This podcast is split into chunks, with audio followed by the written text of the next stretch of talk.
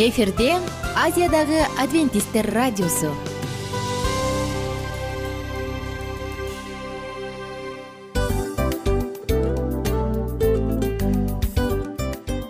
Достор салют.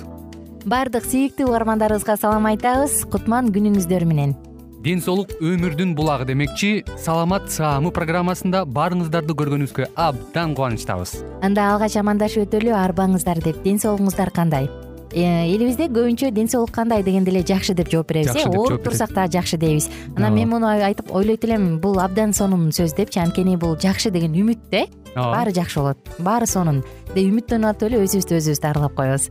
Анысы кандай? Сиздин дагы ден соолугуңуз жакшы беш деген үмүттөбүз чындыгында ден соолук бул өмүрдүн булагы деп бекеринен айтылган эмес деп ойлойм. Кыргыз элинде анткени эгерде ден соолук жок болсо анда адамдын жашоосунда калган баардык керектүү маңыздуу нерселер өзүнүн баалуулугун жоготуп коет. Ошондуктан ден соолук бул эң керектүү нерсе. Ооба туура айтасың кесиптешим. Чынында ден соолугуң жок бир эки үч күн ооруп калсаң эле э кандай болуп калат? Жашоодо көз каранды болуп каласың көп нерсеге жетишпей каласың көп нерсени кыла албай каласың жада калса эшикке дүкөнгө да чыга албай каласың. Туптуура анан ден соолук болсо демек биз биздин бактыбыз тоодой деп койсок болот.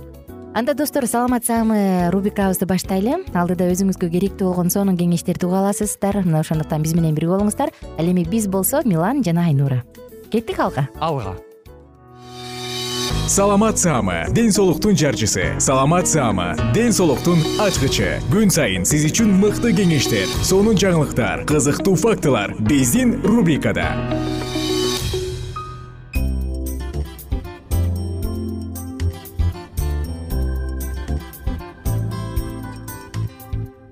кымбаттуу достор кандайсыздар? Биздин угармандар дал ушул жыштыктан кайрадан амандашып саламат саама рубрикасын дагы да болсо тартуулаганга мүмкүнчүлүк бар экендиги үчүн албетте ыраазычылык айтабыз. Жалпыңыздар менен бул затта дагы биз дал ушул ден соолуктун камын көрүп пайдалуу суусундуктар деп аталган циклды улантабыз. Бүгүнкү темабыз дагы коктейлдер жөнүндө болмокчу коктейль. Негизи анын негизинде спирт ичимдиктери алкоголдук ичимдиктер болгону менен алкоголсуз эле тыпырайтып жакшынакай бойдон бул коктейлдерди жасоого мүмкүн экенин биз мурунку уктуруубузда айтып өткөнбүз. Анда достор саатыбызды уланталы дагы сиздер менен жагымдуу гана болбостон пайдалуу дагы сонун маалыматтарды бөлүшөлү. Бүгүнкү негизи эле коктейль бул жайкы кечелерде абдан сонун суусундук э? Жайында суусап чаңкап турган учурда муз кошулган коктейлди ичсең кандай гана сонун мына бүгүнкү коктейль дагы сиздин рационуңузда өзгөчөлүктөрдү киргизип өзгөрүүлөрдү киргизип анан албетте жагымдуу бир маанай тартуулайт деген ишенимдемин жөнөдүк достор алдыны көздөй безалкоголдук же болбосо алкоголсуз мохито. Мохитону уксаңыз керек мохитону. Дал ушул мохито жөнүндө айтабыз. Негизи мохито бул абдан адамды сергитүүчү кубанын мыкты бир ичимдиктеринин бири суусундуктарынын бири аны бир гана алкогол ичимдиктери спирт ичимдиктери менен эмес алкоголсуз дагы жасаса болот. Кантип? Анда ингредиенттер. Бир порция мохито үчүн бир порция жүз элүү миллилитр деп санап алалы. Ал үчүн сизге сегиз жалбырак мятанын сегиз жалбырагы керек. Имбирдин кичинекей кесиндеси керек бирөө. Абдан ичке кесилген. Андан соң жаңы эле сыгылган бир лаймдын согу ошондой эле күрөң кумшекер бир аш кашык алты жүз миллилитр ананас ширеси алтымыш миллилитр минерал суусу газдалган. Колдон келсе содовый болсо жакшы болот. Жана албетте майдаланган муз. Дагы бир жолу кайталай кетейин мохито үчүн эмне керек?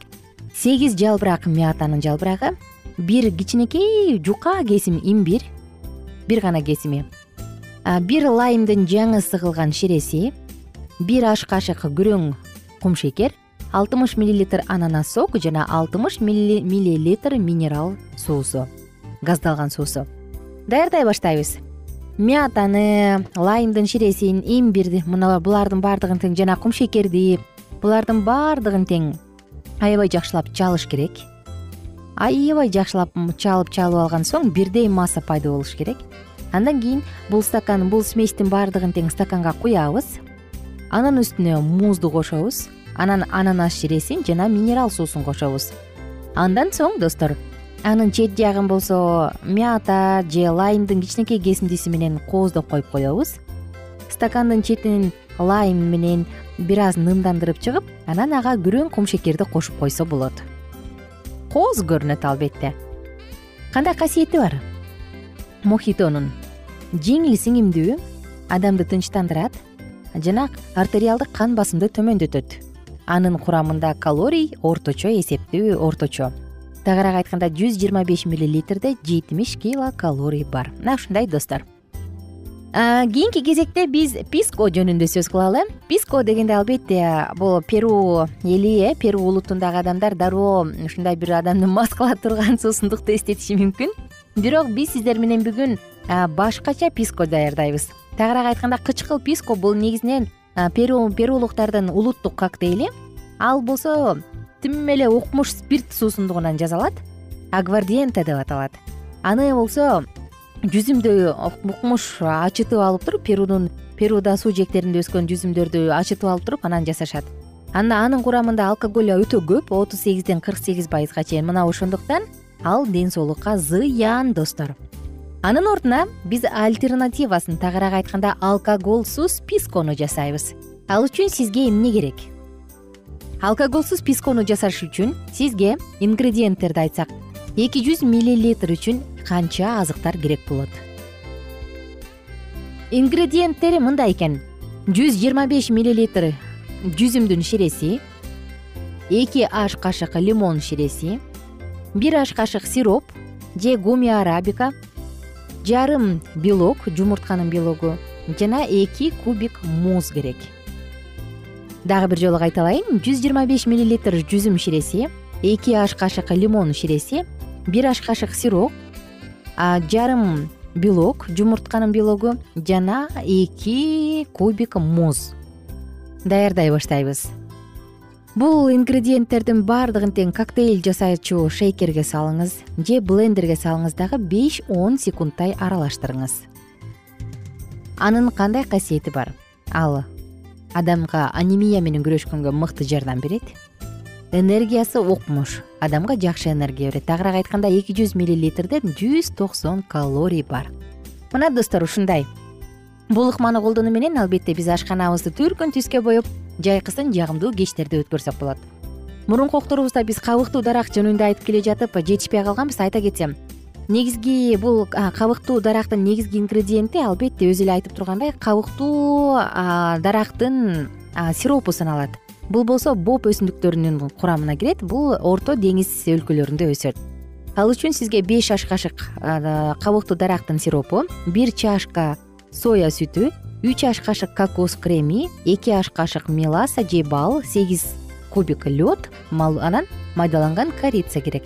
Булардын баардыгын тең майдалайсыз майдалайсыз аябай жакшылап аралаштырасыз дагы эрип кеткенчекти аралаштырасыз. Анан стакандын үстүнө коюп үстүнө бир аз корица сээп койсоңуз болот. Азыктандырат кан басымды төмөндөтөт жана албетте анын курамында калория бар болгондуктан өзүңүздү күчтүү сезип сизге энергия тартуулайт канча калория десеңиз мындай кабыктуу дарактын коктейлинде жүз жыйырма беш миллилитрге миллилитрде жетимиш кило калорий бар экен достор.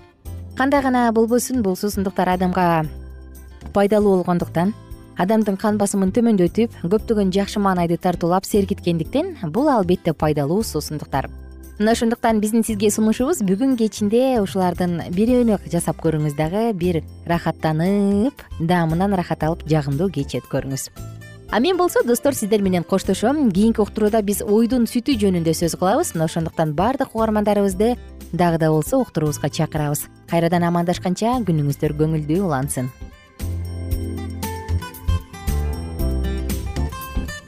кененирээк маалыматтар үчүн үч w чекит саламат чекит клуб сайтына келип таанышыңыздар. Жана андан тышкары социалдык тармактарда youtube facebook жана instagram баракчаларына катталыңыз.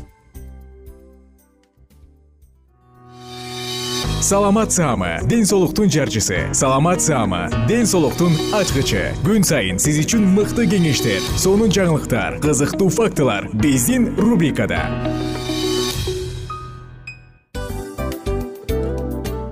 салам достор. Кайрадан биздин сүйүктүү рубрикабызга кош келиңиздер деп айтмакчыбыз.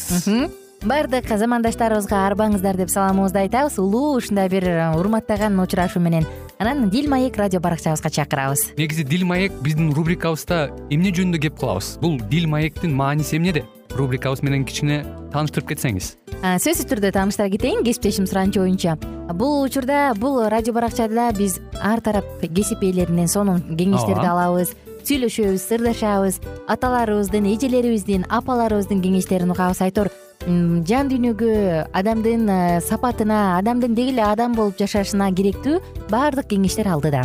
Негизи э, дил маек дегенде баягы эки адамдын ортосундагы сырдашуу кенен сүйлөшүү. Негизи эле биз адамдар бири бирибиз менен бир жерге жай жерге отуруп алып өзүнчө тынч э, жашоо жөнүндө өмүрүбүздө эмне болуп атканын бөлүшкөнү жакшы көрөбүз э адамдар. Ооба туура айтасың анан мындай учурга кээде убакыт да жетпей келет э. Же болбосо сырыңды кайгыңды муңуңду кубанычыңды айткың келет а адамга ишенбешиң мүмкүн. Ооба. А бул радио баракча угармандарыбыздын чыныгы досу анткени бизден алган кеңеш сиздин жашооңузга чоң жардам берет.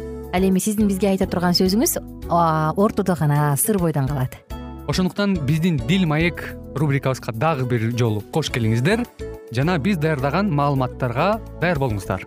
Айнура жана милан сиздер менен бирге алдыга кеттик ар түрдүү ардактуу кесип ээлеринен алтын сөздөр жүрөк ачышкан сыр чачышкан сонун маек дил маек рубрикасында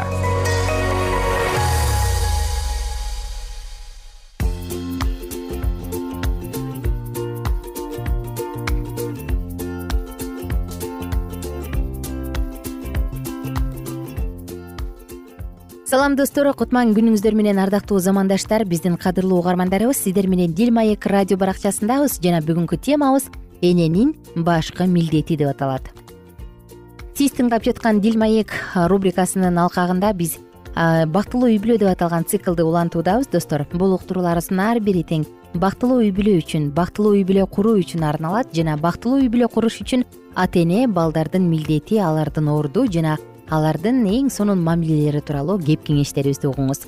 Анда достор баарыңыздарды ушул уктуруубузга чакыруу менен бирге теманы дагы бир жолу кайталайлы эненин башкы милдети деп аталат балдарды тарбиялагыла жана ошондо улууларды жазалоонун зарылдыгы жок болот дейт пифагор. Караңыздарчы кудай балдардын жөндөмдүү мүмкүнчүлүктөрүн көрүп турат. Ал өтө чоң кызыгуучулук менен ата энелер анын планын орундатабы же өзүнүн ыгы жок боорукерлиги менен анын көрсөтмөлөрүн сызып коюшабы. Анын баласы бул жашоодо жана түбөлүк жашоо үчүн дагы өлүшүн каалашабы. Баарын карап турат. Бул алсыз жаратылышта адам болууга кайра айлантуу улуу жана маанилүү иш. Силердин балдарга болгон милдетиңерди аткарууда бир нерсенин жолдоо болуп калуусуна жол бербегиле. Сиз жогорку кеңештин мүчөсү болбой эле коюңуз бирок силер кудай үчүн жана өзүңөрдүн мекениңер үчүн улуу иш аткарууга даярсыңар. Силер өзүңөрдүн балдарыңарды жамандыкка каршы туруп өз мүнөздөрүн жеткилеңдетүүгө жана башкаларга дагы ушундай адилеттүү иш кылуусун айтууга үйрөтө аласыңар. Үйдөгү талим тарбия жөнүндө сөз кылсак билим алуу багытынын таасири калтыраарлык жетишкендигине карабастан азыркы учурдагы балдарды тарбиялоо өтө аянычтуу акыбалда анткени үй бүлөлүк тарбия берүүнү барк алышпайт ата энелер өзгөчө энелер аларга берилген милдеттенме канчалык зарыл экендигин түшүнүшпөйт. Аларда чыдамдуулук дагы балдарды түз багыттоо жана алар менен башкаруу үчүн акылдуулук дагы жок. Кудай бизден анын күчүнүн аркасында аткара албай турган биздин жекече жана балдарыбыздын ийгилиги үчүн колдонулбаган же кызмат кылбаган кандайдыр бир нерсени талап кылып жаткан жок өз балдарыңардын ийкемдүүлүгү жана кылык жууруктарын отурукташуусуна керектүү ар кандай мүмкүнчүлүктөрдү колдонгула алардын акыл эсинин өсүүсүн көңүл буруу менен байкагыла. Ашыкча бир сапаттарын токтотуп кемчиликтерине демилге берип тургула. Өз өмүрүңөрдү таза жана асыл кылып балдарга көргөзгүлө. Балдарды тарбиялоого жандануу жана эрдик менен киришкиле ар учурда өзүңөрдүн иш аракетиңерде өзгөрүүсүз кудайдын жардамына таянып тургула. Силердин балдарыңардын адеп ахлактуу деңгээлинин өсүшүн көрмөйүнчө алардын өмүрлүк көз карашынын деңгээли көңүл ачууларга умтулуудан жогору болмоюнча тынч албагыла. Баардык түшүнүкчүүлүктүн жогоркусу силердин балдарыңар болушу керек. Ар бир жашоонун көз ирмемине кунт коюулук менен карагыла. Алардын баары өтө баалуу эстегиле. Балдар токтоосуздан алдыга карай бара жатышат. Жана билинбестик менен үй бүлөлүк окутууну жана тарбияны жактырышпайт. Силердин көз алдыңардан четтеп кетүүсү мүмкүн. Эгерде силер баардык учурда баардык нерселерде ийгиликке жетишпесеңер дагы бул жерде көңүл буруучулукту жана аракеттикти көргөзгүлө. Эгерде үй бүлөлүк тарбиянын жардамы аркасында силердин балдарыңар жакшы адам болуп өсүшсө анда силердин жашооңордогу ийгиликсиз деп айтууга болбойт. Жана силерге өзүңөрдүн абийириңер үчүн уялып сарсанаа тартуунун кереги жок. Балдар бул эненин күзгүсү. Эне бул күзгүдөн өзүнүн кулк мүнөзүн жүрүш турушун көрүп турат. Ошондуктан эне өзүнүн кунт коюп карап туруучу окуучуларынын алдында өз сөздөрүн өтө көңүл коюу менен текшерип жана алардын катышуусунда өзүнүн жүрүш турушун байкап турусу керек. Балдардан көрүүнү каалаган жакшы мүнөздөрдү эне алгачында өзү өзүндө көбөйтүүсү зарыл. Балдар бул теңирден калган мурас жана биз анын алдында анын мүлкүн башкарууга милдеттүүбүз. Караңыздарчы кандай сонун айтылган сөз? Мына ошондуктан балдарды туура тарбиялоодо балдарга керектүү туура тарбияны берүүдө ата эненин милдети өтө зор. Достор эне эгерде күзгү болсо анан эне баладан эмнени көргүсү келсе ошону көргөзүшү керек болсо анда биз энелер эжекелер сиздер анда биз өзүбүздү тарбиялашыбыз керек экен э? Караңыздарчы эң улуу мыкты инсан болуш үчүн чоң эле салымды эне кошулат. Ушул жактан дагы бир мисал айткым келип турат белгилүү ойлоп табуучу адамдардын бири э эсиңизде болсо энеси томас эдисонда энеси мектептен аны мунун акыл эси жетишпейт кой койгула муну балдарды мындай жалпы мектептен окуганга болбойт үйдөн өзүңөр эле окуткула деген катын апасы сиздин балаңыз өтө жөндөмдүү. Аны окутуп туура тарбия бергенге мектепте керектүү адистер жок ошондуктан үйдөн окутканыңыз туура болот деп бурмалаган дагы баласынан кыйын адамды ойлоп чыгарган. Анысы кандай достор? Чындыгында эне балага ишеним арта турган болсо анда бул чоң жетишкендик. Эгерде эне баласына ишенип эне баласын кандай болсо ошондой кабыл ала алса анда бул чоң жетишкендик. Ал эми кичинекей баланын көйгөйү кичинекей чоң баланын көйгөйү чоң деп да коюшат эмеспи э? Бала чоңойгон сайын анын көйгөйлөрү талаптары кошо чоңоет анысы кандай?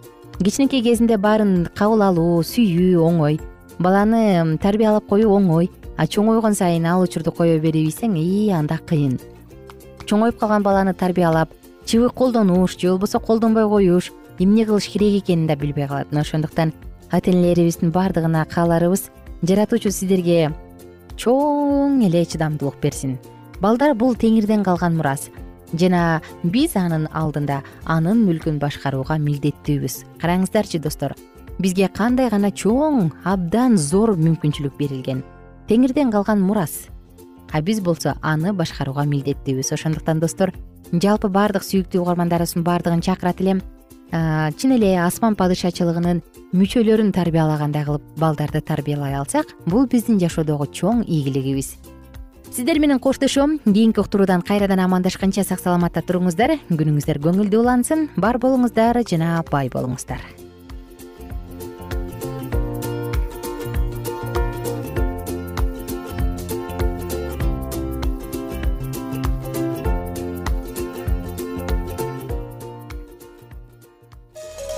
ар түрдүү ардактуу кесип ээлеринен. Алтын сөздөр жүрөк ачышкан сыр чачышкан сонун маек. Дил маек рубрикасында.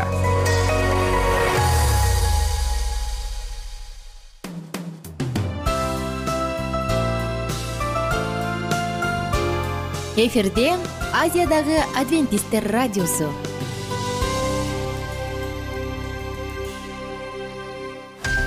жан дүйнөңдү байыткан жүрөгүңдү азыктанткан жашооңо маңыз тартуулаган жан азык рубрикасы.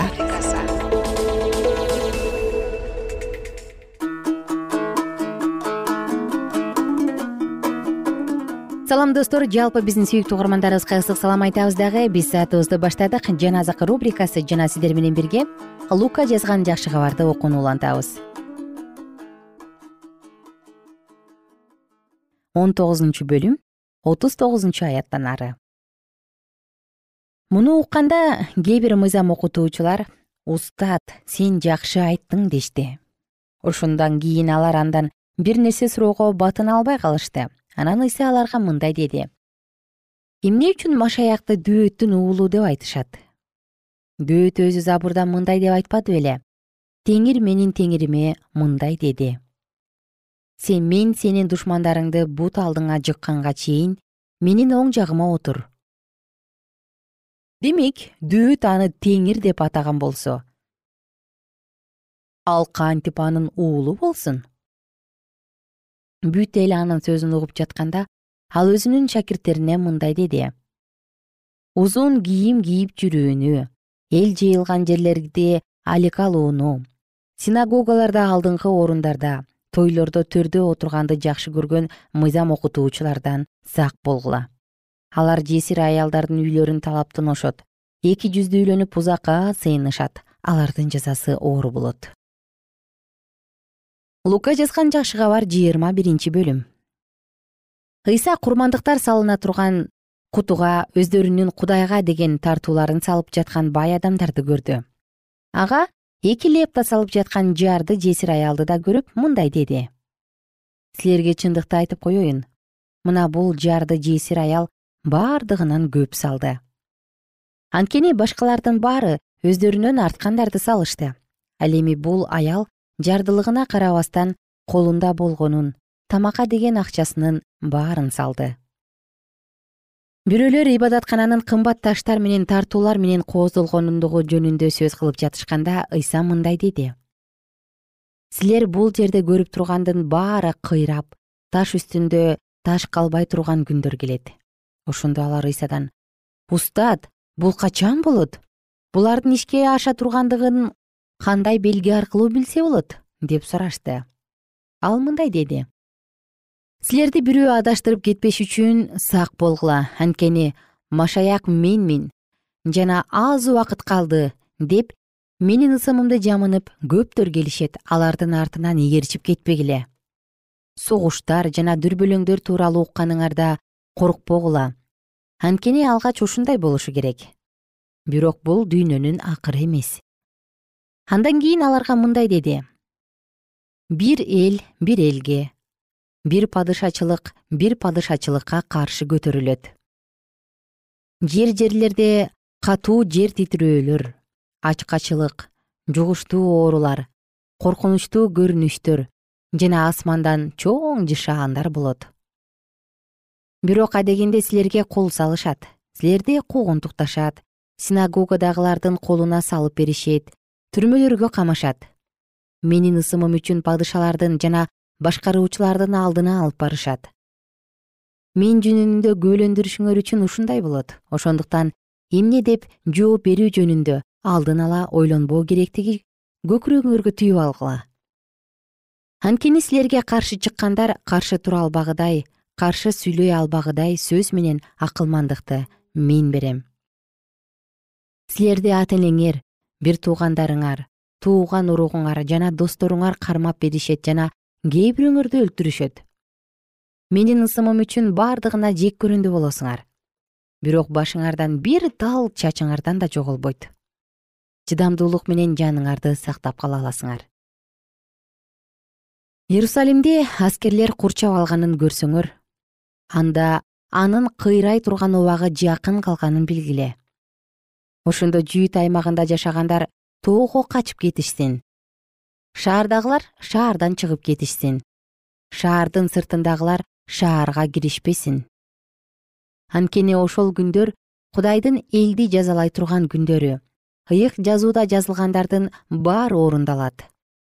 Ошол күндөрдө кош бойлуу жана эмчектен баласы бар аялдарга кыйын болот анткени жер үстүндө чоң алаамат болуп бул элдин башына кудайдын каары төгүлөт. Алар өткүр кылычтан кырылышат. Бардык бутпарастар элдердин арасына туткундалып кетишет. Бутпарастардын заманы бүткөнчө иерусалим алардын таман астында калат. Күндө айда жылдыздарда алаамат жышаандары пайда болот. Жер үстүндө болсо адамдар деңиздин гүүлдөгөнүнөн толкунунан дүрбөлөңгө түшүп эмне кылаарын билбей калышат. Асман күчтөрү кыймылдап калгандыктан ааламга келе жаткан алааматты күтүп адамдар коркунучтан эстен таанышат. Ошондо адам уулунун булут ичинде улуу күч жана даңк менен келе жатканын көрүшөт. Бул окуялар боло баштаганда өйдө туруп башыңарды көтөргүлө. Анткени силердин куткарыла турган күнүңөр жакындайт. Анан аларга бул салыштырууну айтып берди. Анчыр дарагын жана бардык дарактарды карагыла алардын жалбырагы чыгып калганын көргөнүңөрдө жай мезгили келерине аз калганын билесиңер. Ошол сыяктуу эле ушулар болуп жатканын көргөнүңөрдө кудайдын падышачылыгы жакын калганын билгиле. Силерге чындыкты айтып коеюн ушунун баары болмоюнча бул муун жок болуп кетпейт. Асман менен жер жок болуп кетсе да менин сөздөрүм аткарылбай калбайт өзүңөргө сак болгула. Оюңардын баары эле ашыра тоюу мас болуу турмуштук түйшүктөр болуп калбасын. Ал күн силер күтпөгөн убакта келип калбасын. Анткени ал күн жер үстүндө жашоочулардын баарын тор сыяктуу басып калат. Ошондуктан сергек болгула. Боло турган алааматтардын баарынан качып кутула алыш үчүн жана адам уулунун алдына келип туруш үчүн дайыма сыйынгыла. Ыйса күндүзгү убакытты ибадатканада элди окутуп ал эми түнкү убакытты шаардан чыгып зайтун тоосунда өткөрүп жүрдү. Элдин баары анын сөзүн угуш үчүн ибадатканага таң атары менен келишчү.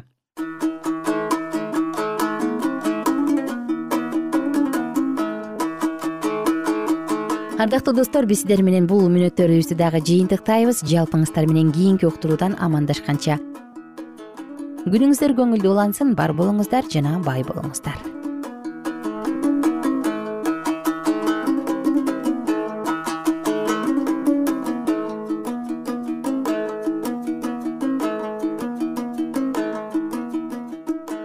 эгер сиздерде суроолор болсо же көбүрөөк маалымат билем десеңиз анда биздин whatsapp номерибизге жазыңыз. Плюс бир үч жүз бир жети жүз алтымыш алтымыш жетимиш. Кайрадан плюс бир үч жүз бир жети жүз алтымыш алтымыш жетимиш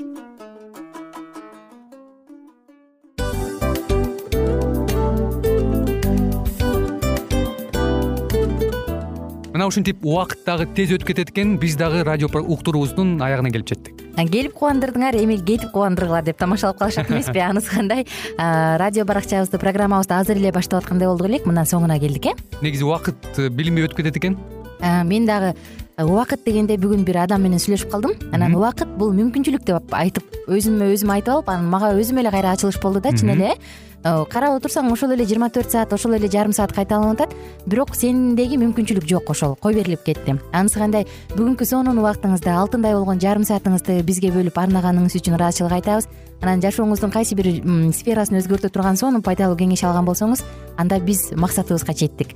Анан ушул нерсени кылбасам десеңиз ошол өзгөрүүлөрдү кичинекей кадамдардан баштап иш жүзүнө ашырыңыз дагы жашооңузда чоң чоң ийгиликтерге жетиңиздер чын жүрөктөн ар бир берилген кеңештер сөздөр сиздерге пайдасын алып келет деп ишенебиз жана кийинки уктурууларда сөзсүз түрдө чыдамсыздык менен сиздерди күтөбүз. Сагынычтуу салам айтып кайрадан дал ушул жыштыктан баардыгыңыздарды тосуп алганча. Кызматта мен айнура жана кесиптешим милан. Анда кол каалайбыз жалпыңыздарга ийгиликтүү күн. Саламатта калыңыздар